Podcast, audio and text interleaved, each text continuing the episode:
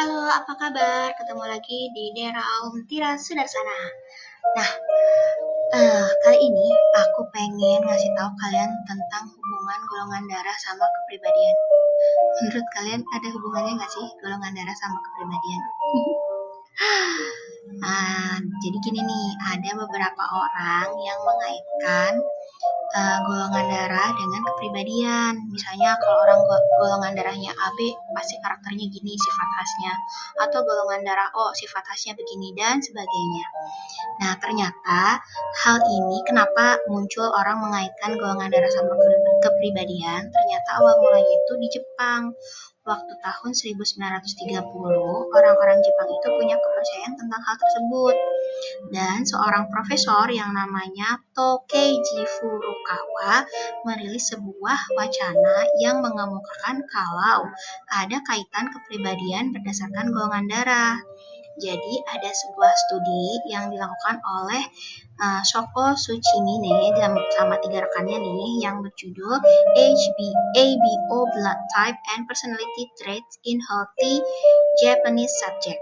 Nah, dalam studi tersebut mengungkapkan kalau ada kaitan antara golongan darah dengan berbagai penyakit. Ada juga pengaruh terkait kecemasan dan depresi yang berhubungan dengan pelayanan kesehatan. Maka dari itu muncul deh kemungkinan keterkaitan kepribadian berdasarkan golongan darah. Ya walaupun nggak ada konsensus alamiahnya ya, tidak terbukti secara ilmiah deh pokoknya. Nah, dari itu makanya keluar tulisan-tulisan yang menghubungkan kepribadian dengan golongan darah. Ada juga kan orang yang mengaitkan golongan darah dengan diet dan sebagainya. Dan aku um, kali ini menemukan satu tulisan tentang golongan darah yang membicarakan tentang sisi positif golongan darah setiap orang.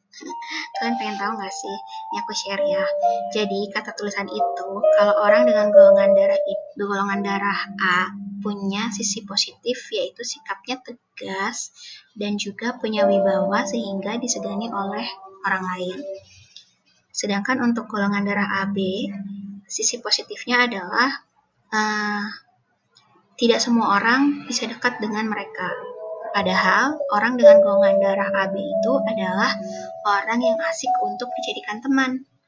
Sedangkan untuk orang dengan golongan darah O, sisi positifnya adalah mudah bergaul dengan orang baru.